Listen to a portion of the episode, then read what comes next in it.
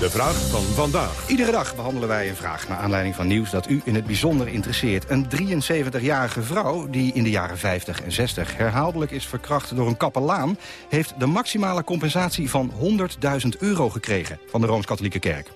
Kan iemand die daar geen genoegen mee neemt nog naar de rechter? Het antwoord komt van letselschadeadvocaat Thomas van Dijk. Ja, dat kan zeker. De vraag is of het ook uh, zinvol is, omdat de bedragen die de commissie toekent... die zijn uh, gebaseerd op bedragen die in het verleden door de Nederlandse rechter zijn toegekend. Dus het is ook maar helemaal de vraag of je dan bij de civiele rechter een hoger bedrag uh, toegewezen krijgt.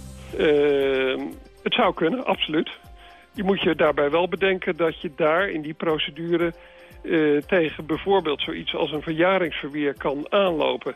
Daar is dan wel weer een mogelijkheid om daar onderuit te komen. De Hoge Raad heeft gezegd van nou onder bijzondere omstandigheden kan het naar maatstaven van redelijkheid en billijkheid onaanvaardbaar zijn dat de aangesproken partij zich op verjaring beroept.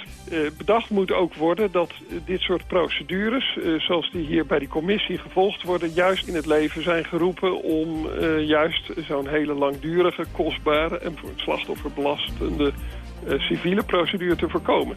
Al dus letselschadeadvocaat Thomas van Dijk. Als u een vraag